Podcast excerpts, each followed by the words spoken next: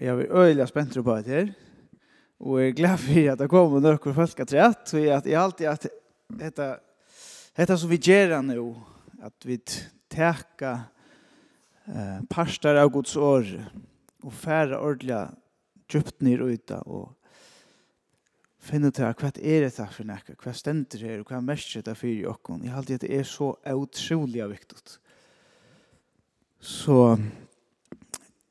eh, det stender i Apostlesøen, øren kapittel stans endan her, at det er helt fast vi lærer apostlene, og vi brevbrødene av samfunnet, og, og vi bønner. Men det er noe som vi må gjøre eisene. Halda fast vi, så ja, vi må halda fast vi lærerne. Vi må ikke glemme Guds år. Det er utrolig viktig for dere andalige liv. Vi det det enda trycken så vi tar att det är inte bara akkurst flotande näka. Det är inte bara andalighet eller ett eller annat. Det är vi trycker på några konkret ting. Öle områden det jag vet. Vet jag vad det är. Så ehm um, här är så näka vi här som braunon att det syns att det är fyra men så också okej, okay, jag må kanske lägga om några ting. Annars blir det allt för näka.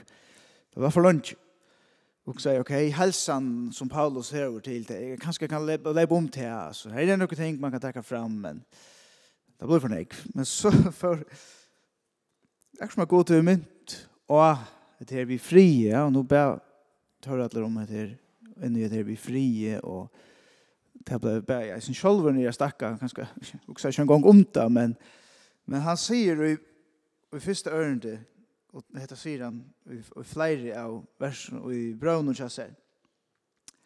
Nåje ver vitt kun och fri fra god og Herren og Jesus Krist. Og Paulus, nei, Peter brukar det eisen i sunn brøven, og Judas bruker det eisen i nøklunda på samme måte. Og Johannes brukar det eisen i omkring brev og kjassar. Så heter vi frier og åpenbart utrolig større antydning. Og helst hever Paulus henne skriver att den nya gryskon så har han haft det jødiska året, eller det hebraiska året shalom og Jehova. Kjallt om han kanske tog sig arameiskt, men han är då da. Fått en hebraisk som, som gamla testamentet har skrivet av. Och han er känt, eller det har öll kjent til året shalom. Och det brukte det som hälsan, og det brukar ännu det som en hälsan. Shalom, och det er mest frier, men det er mest sånn jeg mer enn det. Hvis man hikker etter hvordan vi brukte gamla testamentet, så var det brukt om allt möjligt.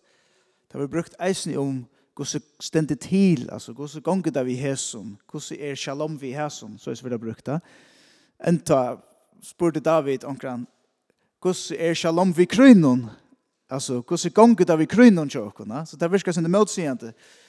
Men det hever nekka vi stendet vel til, nekka vi gaua helse, nekka vi, nekka vi, uh, att känna sig uppfylltan, att känna sig alltså när vi etno, när vi glädje och vi frie fri innan oj och så vidare. Ja?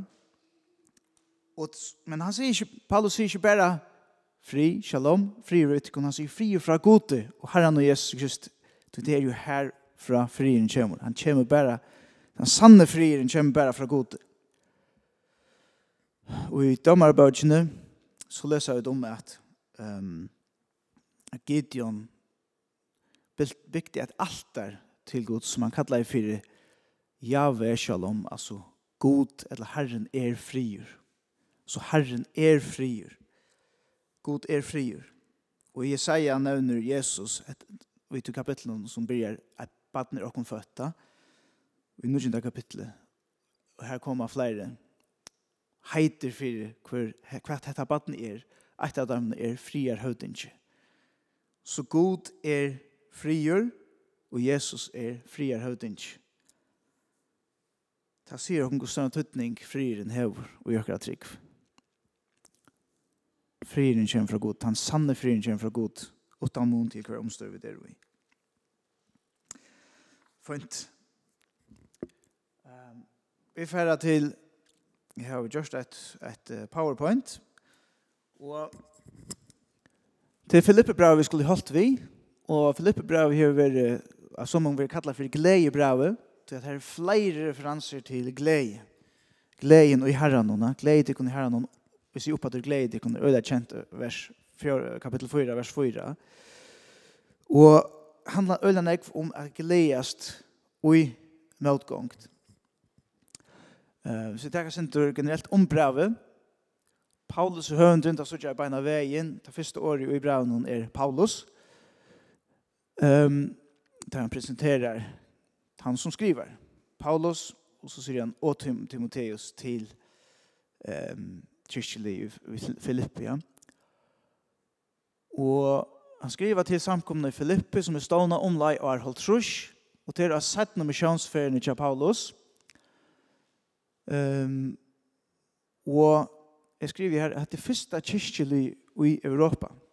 Så at Aren, han kommer til Filippi, hever han vært mest sjående i, i Israel, men han så har han eisne vært i Lutla Asia, det som, ja, det som er Torskaland i det. Men nå er han kommet um, vi har, og det er her, tog at Paulus fikk en nasjon, og det er det som vi kunne lese i Apostelsøvn 16, 6-12 her som ein makedonsk med å be deg, be der komme til syn. Og tar færa så her. Til Makedonia, til Filippi, som er en romversk bojer. Og her møter der en er kono, og hon er så den første som tek, en, som den første som teker og møter Jesus i her. Og her har vi flere av imensk staten, det er imensk folk nevnt, og i Filippi som vera som uh, tackar mot Jesus av imensk staten, bare i få inn folk, og mye støtt, men er ikke nekfatøk folk.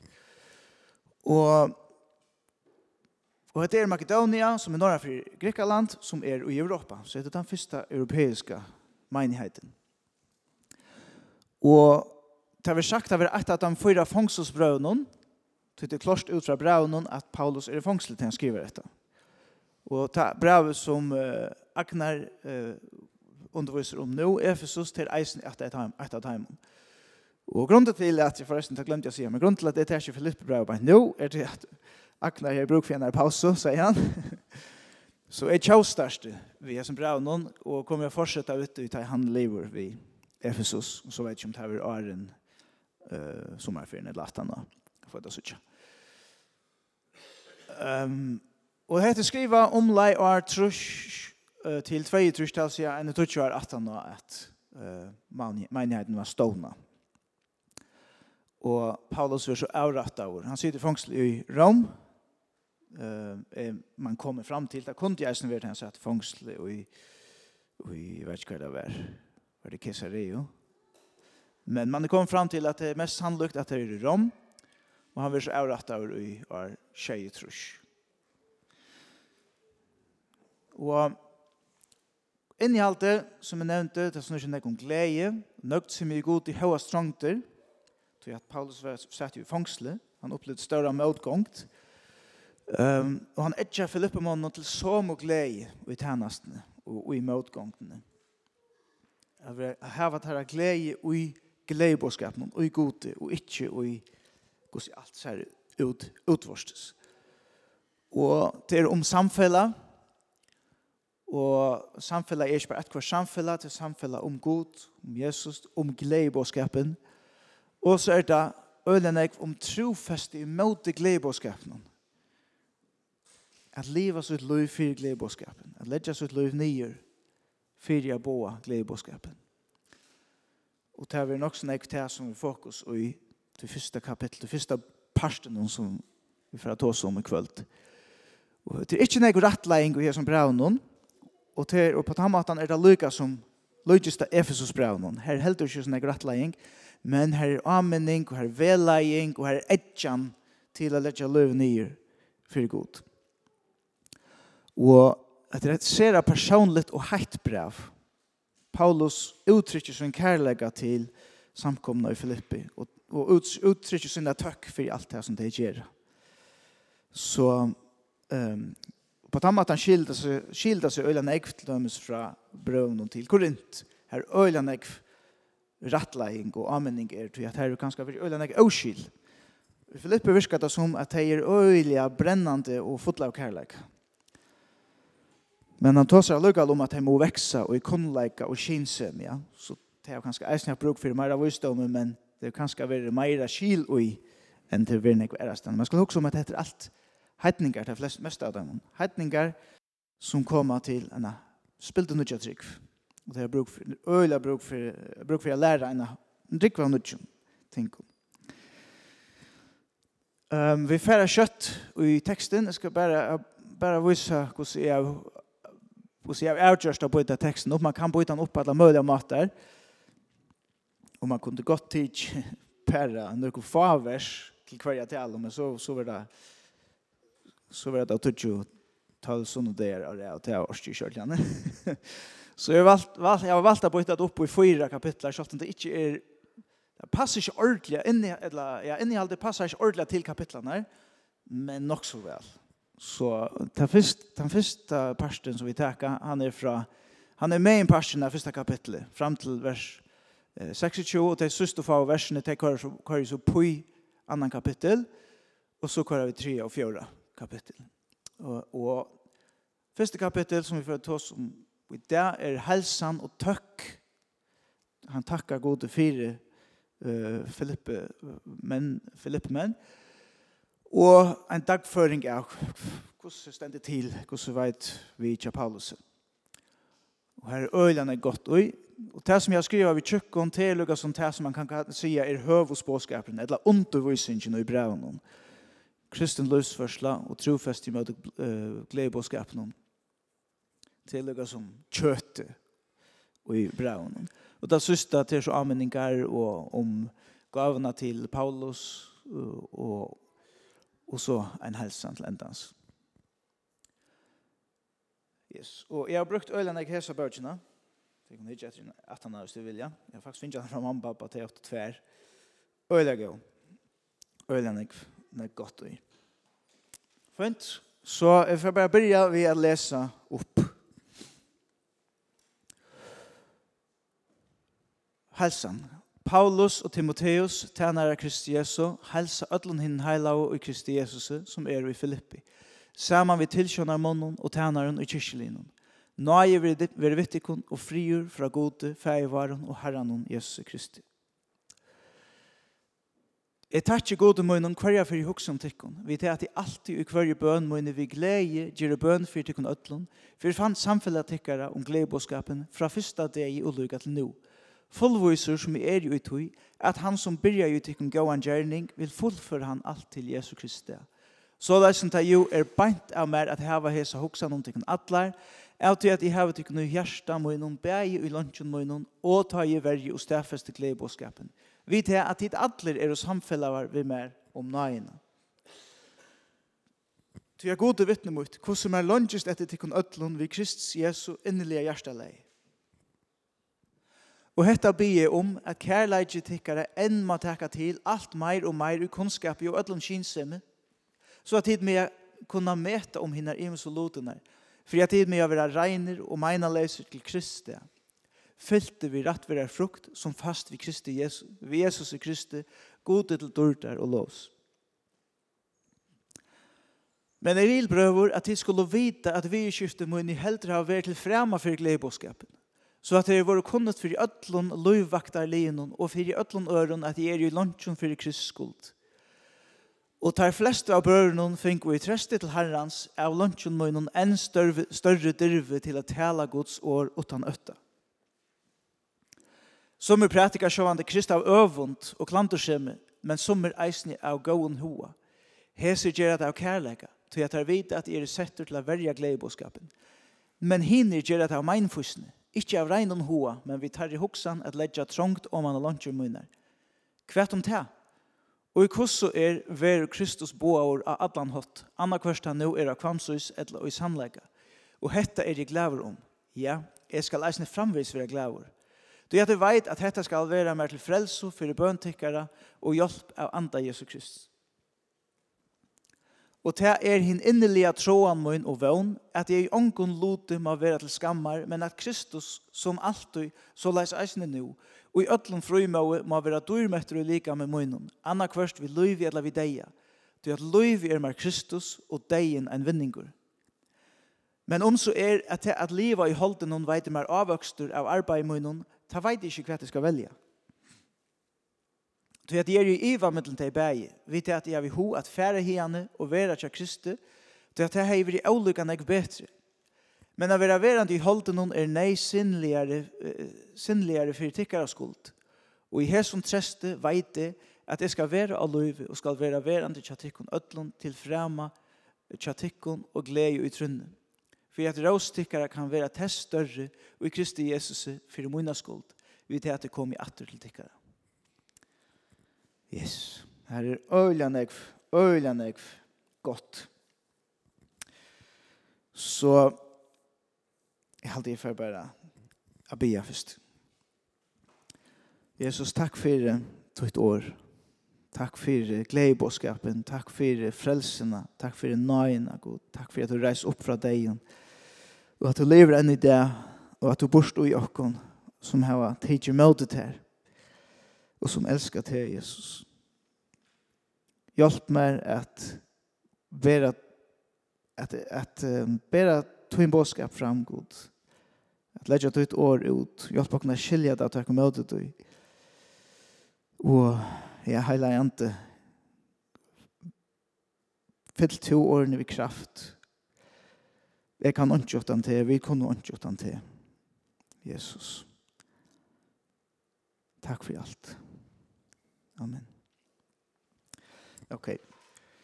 Jeg har gjort det så løs at jeg har tidsi først, ja, nå ser man ikke vel det grønne, man sa det bedre i teltene ikke mer, men jeg har gjort det så løs at jeg har, um, hva sier man, markera de tingene som jeg gjerne vil takke fram. Eh, detta er så man ser det faktisk ikke bedre her atre, det er grønne. Men det heter så helsanen, det första i versene, och och här har vi långt att ta som tar settene till vi, vi nøyen og fri frien från gode. och lägg meg til han nevner nøyene först det mest områdande är är vi takker mot nöjen. Det er mer områdande än att allt går väl i våra liv. Paulus innskjer at alt skal gengast vel, tja Filipp månen, men først og fremst innskjer han at jeg skulle få nøy. Det er det viktigste. Um, og så er det takk til Guds fyrir kyrkjelig. så, tak, så takkar han fyrir Filippe men, og, og han byr fyrir dem. Jeg takker Gud munnen hver fyrir hos som tikkum vet at i alt i hver bøn munnen vi gleder gjøre bøn fyrir tikkum ødlån. Så han er, han er øyla gaur i Jesu Filippe men. Hver fyrir han hos om der byr han fyrir dem. Og For samfellet tikkara om gledesbåskapen fra fyrsta degi og lykka til nu. Og at som jeg nevnte, samfellet Det er samf et samfellet, men hvert snur tar samfellet seg om, det snur seg om glede i bådskapen. Det snur seg om Guds ord, det snur seg om Jesus. Og så stender det som nyast her, vi tar tid alle er og samfellavar vi mer om nøyene. Det er samfellet om nøyina. Så det samfunnet som vi har her, i middelen okken, det snur seg om gleboskapen, det snur seg om nøyene. Det er ikke hva som helst, det er øyla tøtninga mitt, det er øyla størst, det som vi kommer sammen om. Det er utrolig viktig. Og samme kærleik er av er i middelen okken, som er i midten Paulus og følgen i Filippe, og i samkommen i Filippe. Og så sier han det her, Eh, vet jag, allt i kvarje bön men vi glädje ger bön för tycken öllon för samfälla tycker om glädjeboskapen från första det ju lukar till nu. Fullvisor som är ju i tog att han som börjar ju tycken go on journey vill fullföra han allt till Jesu Kristus. Det är fantastiskt att veta. Att han som börjar ju i oss en go on journey han skal fullföra han. Så langt som vi halter kon och i nine och i ljösen så langt som vi tro efter honom och följa at han har honom så ska han fullföra sitt verk i okken. Til som han säger okkar oppgave är att være verande av tränom av vår tränom så syrger träi Jesus syrger för att vi veksa och blomma han syrger för avväxten så långt som vi söker han tro efter honom så syrger han för avväxten Han skal fullfölja gjerningen i okken. Lykke til Jesu Kristi, og Jesu Kristi er det som tar Jesus kommer at. Så han vil, han vil trofastur, helt til endans. Det kommer vi være vise i.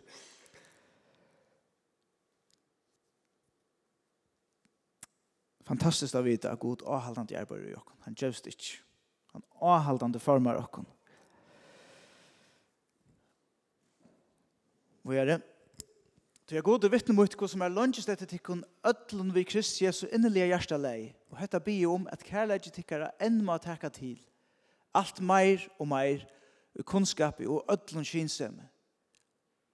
Altså kærleidje tikkara enn må tacka til.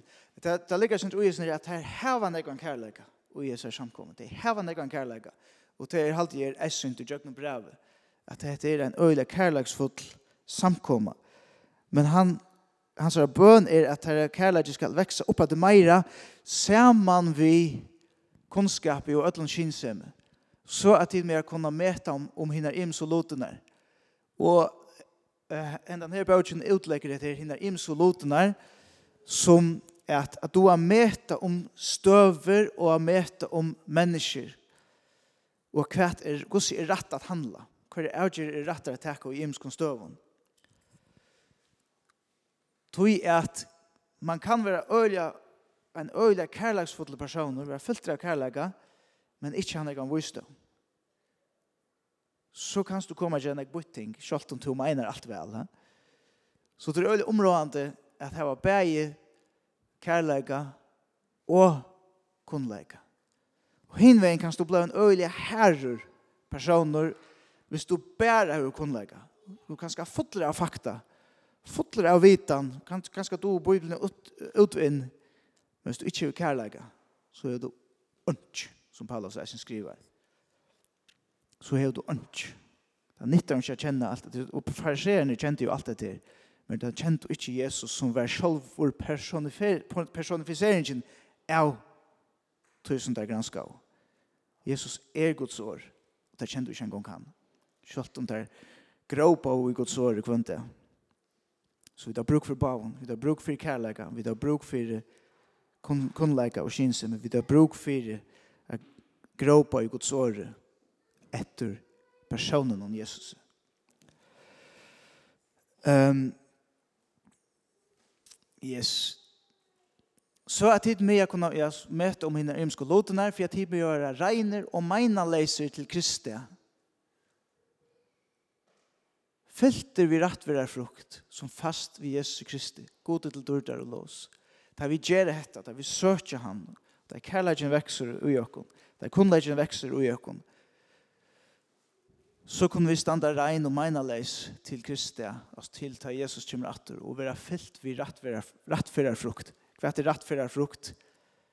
Gågjerningar, kærleggen, uh, ja, yeah Vi gjør det som er rett, sier sannleggen, og så vi er. Hette eier vi det strømpøtter. Hette er hømål, men hette eier vi det strømpøtter.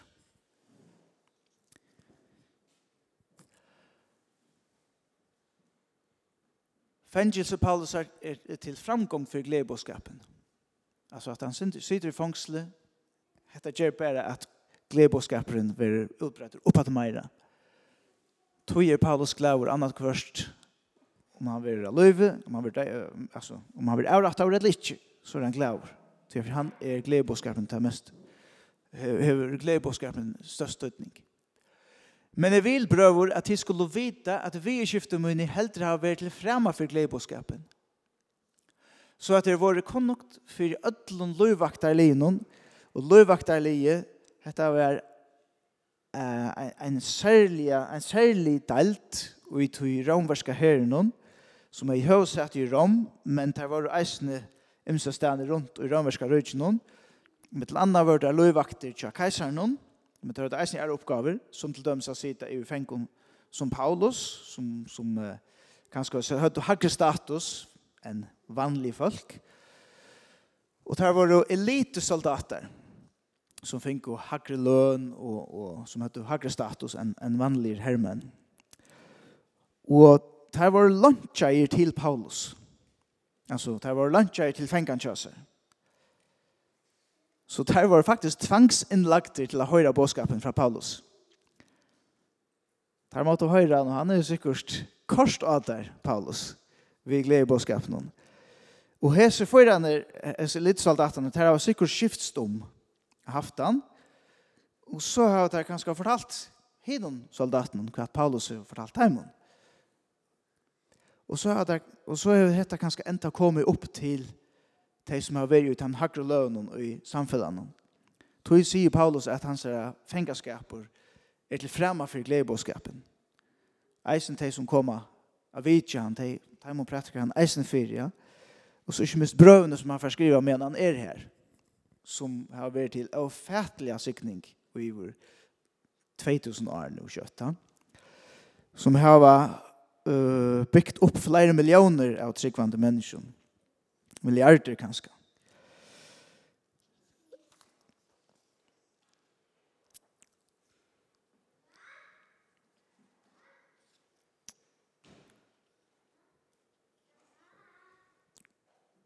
Ja, og Og så jeg, jeg skriver her bare at at det var tvangs, tvangs, tvangsinnlagt til at høyre gledebåskapen, og det kunne ikke stekke honom, det er ikke løyve at at at slåa en romersk statsborgare, som Paulus jo var.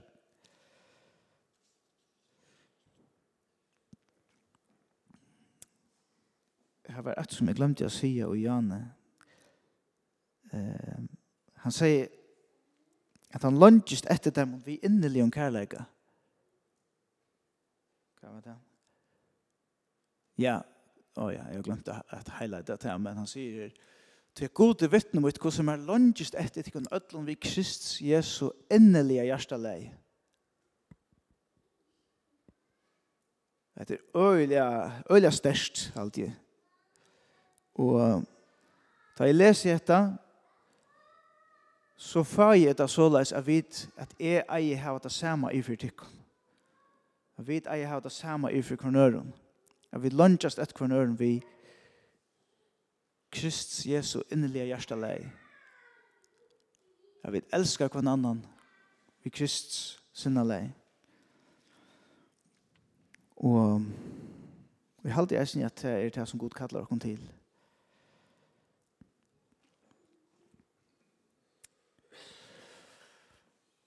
Så at her var konnukt for ødlån løyvaktarlinu og for ødlån øren at er jo lunchen for kristskuld.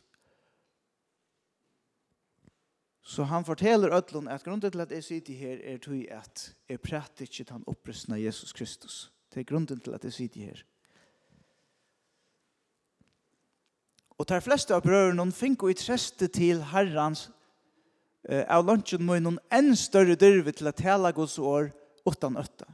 Så til at Paulus sitter lunsjauer for gledebåskapen, han var faktisk en martyr, selv om han er ikke tidsen av døven, men han til samme avvarskan som en punsla våtter hever.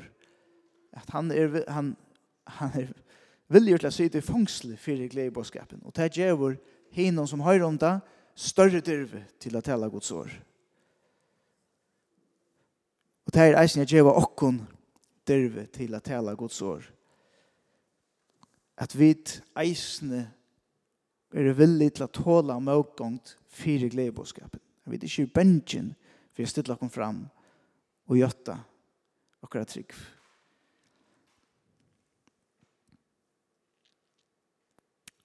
Vers 15 til 19. Som er praktika sjåan til krist av øvund og klandorsemi, men som er eisne av gåen hoa. Hese gjer at det er kærleika til at det er vite at det er sjetter til å verja gledebåskapen men hinner gjør det av meinfusene. Ikke av regn og hoa, men vi tar i hoksan at legge trångt om man har lunsjemøyne. Som brukar det kanskje som en møvlegge til at hevja seg sjølver, og til at trusta ånder nyer. Kvært om det, og hvordan så er ver Kristus boaver av adlan hatt. Annars, annars kvart han nå er av kvamsvis eller sannleika. Og hette er i glæver om. Jeg skal eisne framveis være glæver. Du at jeg vet at dette skal være mer til frelse for bøntikkere og hjelp av andre Jesus Krist. Paulus er glad om at glæbåskaperen vil bo av. Det er det viktigste for henne. Um, Hugs om det her at onkur boa gleibåskapen. Du at kanskje er onker av dem kanskje lagt mest til, hei, her er, hette er nekka nøyt, hette er vi kristendomnuna. Det var avkjent, men det viser at her er negv som hopper på av onkur som ikke er rent mjøle på seg noen, kanskje hokser at jeg kan utnytte det her. Jeg kan utnytte dette rødje til å skaffe mer penger, til å skaffe mer fylgjere, et eller annet. Og vi sier det samme i det, og har nok sett det, oppe i kjøkken tøyner alltid. Andalige leiere som vidleie folk, og som høvjer seg selv, og som ryker seg selv oppe, det er nekdømmer om det, og i det. Um, Men så sier han kvært om det. Okkar oppgaver ikke å ta kan av teimen. Så det skulle vi tale mot det, det er ikke det som vi sier. Men vi er ikke å fokusere på det. Vi er å fokusere på at, at, at boa det sanna evangeliet. Det er det som vi er å fokusere på. Av, av regnen og heilen hoa vi større dyrve. Um, og så sier han her til søst at um, Så jeg vet at dette skal være med til frelse for bøntikkere og hjelp av andre Jesus Krist. At det er gledebåskaperen være boavur, det er for å være med til frelse, og her tåser han ikke om sina personlige frelse, til det er det er bare vi trygg av Jesus Kristus. Um, men her mener han nok vi frelse fra fangselen og fra deiadømmen. Og vi för bön tycker jag som vi att ta be för honom, och vi hjälp av andra Jesus Kristus och vi kommer av sættene, vi har som brott någon till det är att är det bättre att det för till himmels, eller att det blir verande til tikkun. för tikkun är det bättre att det blir verande, och han har att ta vantan att han ska komma åter till där Men det blev inte så, så mer än det man har lutt. för vi är det, vers 20 och 26, Og det er en innerlig tro, innerlige troan møyen og vøn at jeg ångon lote må være til skammar, men at Kristus som alltid, så leser eisene nu og i ødlom frumøy, må være dyrmøtter i liga med møyen, altså at Paulus skal hava fullt frumøy, anna kvart vi løyvi eller vi deia. Til at løyvi er mer Kristus og deina en vinningur, heter ein den sterskaste setninger i Norgods år, halde jeg. Løyvi er mer Kristus og deina en vinningur. Det lykker mye for Paulus faktisk. Om han dør, eller om han er levende til henne, og er han levende, så snur livet seg om Kristus. Dør han, så er det en vinninger til han kommer hjem til Kristus. Men om så er at at livet i holden og veit om er av arbeid i munnen, da veit ikke hva det skal velge. Det er øyla, øyla stersk år halde jeg. Og øyelig er ringt å leve opp til, men at atter eier vi det strømpe etter, at akkurat løyv er Kristus, og at deiren er okkurna vinninger. Og jeg sier at alt, alt som jeg sier her, sier selv om jeg er mjukleika. Jeg er ikke bedre enn en nekker av tikkun, og jeg er ikke flere av tikkun, jeg er ikke kommet nek langere enn jeg. Det er ikke tæta snur seg om, hette eier vi ødel saman at tro etter, at strømpe etter, at løyv er okkur Kristus, og at deiren er okkurna vinninger. Um, ja.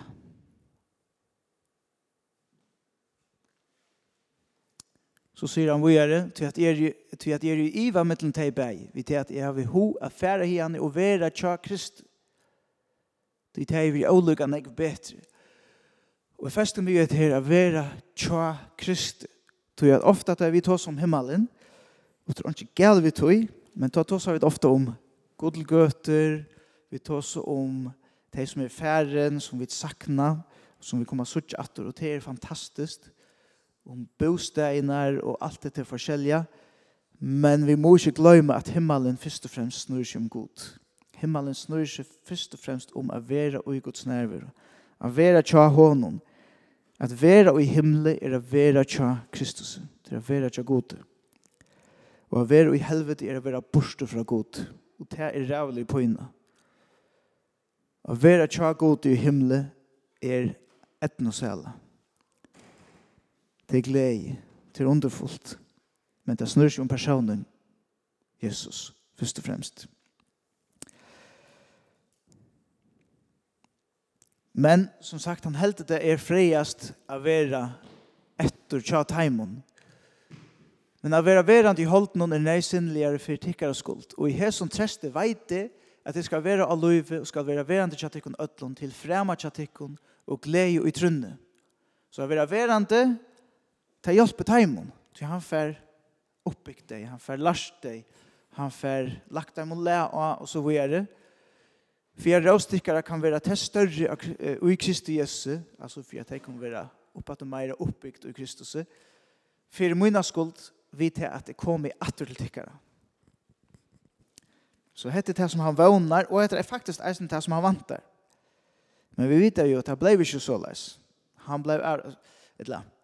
Man heldte seg vita, man er nok så viser i at han ble avratt av og i år tjej trus. Han atleis her vi er til Spania faktisk, vi gleder på skapen. Men så fratt, så, så, så vitt vi vita, så kom han omgang så lengt. Uh, og så kan man säga Han han helt at han för att kunna göra större nytta via vera verande av løyve och komma ur fangselen och vara frikjenter och allt det där. Men det är slash visst att här är större nytta. Han gör som jag nämnde Janne alltså brøvene som han skriver i har uppbyggt flere miljoner miljarder av kristna människor och jag någon flera hundra flere tusen 2000 år. Ehm um, Så det er det poenget er til lykke mye hva i støv vi der ui. God kan bruke okkon her vi der. Man har reisende hørst om folk her, i London her som står for fylkinger, pratikumenn som er og tvættir i fangsel, og så gonger han tog, så er alle fengande kristner. Så til lykke mye hva i støv vi der ui, om det er geografisk, fysisk, hva er hva er hva ui, hva er hva er hver vi, hver vi er i som personer, starve og, og så videre. God kan bruke oss her som vi er. Og vi vet ikke alltid hva det er best. Vi tuksa. Hvis vi, hvis vi bare hetta og hetta kan brøytes, hvis vi kan komme her til, så vil det best. Så får jeg bedre, får jeg bedre kunne tjene god. Det er sikkert. God veit. Og okkar oppgave er at tjene god her som vi er, og bo her som vi er. Så for jeg takker sammen om alle de poengene som jeg har finnet på sjøret som eh, teksten om, Som man sier, i helsene, ta, ta først og tvei ørene, her er det at sann og frier finnes det bare til gode. Vi får bare sann og fri fra gode. Og så er det det vi samfeller noen. Samfeller tar heila og er omnækka. Og så er jeg har faktisk kors på her, ja. Samfellet her heila og er omnækka. Det er ikke et tømt innhjelste samfellet. Det er omnækka, det er om gledebåskapen, det er om nøyina, det er om Jesus Kristus. Og vi eier lønges etter hvern øren vi Kristi innelige sinneleie. Vi eier veksa og kærleika og visdomme. Og det gjør vi bare vi har sørt godt. Og vi har leid i hans åre. Og vi har tåsa sammen om Guds år oppe i tåla motgång vegna gledebåskapen, og at vi boa gledebåskapen av regnen og heilen hoa, vi dirve. Og hatt er en større avbjørn til okken Vesterlendingen. Vi heva det så godt, vi er sin eskvissen faktisk, og vi sitter eisne ved meg sjolvan, og at tjena goder her vi der. Så hatt det til tjei punktene. Og ja, det var det samme. Så gav vi at vi kom her til, at vi ikke var materialistiske leter og dyrvisleiser vestlendingar, men at vi gav og løyve for gledebåskapen, at vi tøtte glede og nøgdsem med okkara og i god og gledebåskapen. At vi tørte å standa opp og tala sannleggan midt gjennom godleisen samfunnet. At vi var trofast i møte gledebåskapen at vi kunne sagt vi Paulus og i Rønvera Braunen 1.16 til at det skammest ikke vi gledebåskapen så han er Guds kraft til frelse for kvönt han som tror. God gjør og nøye til dess. Amen.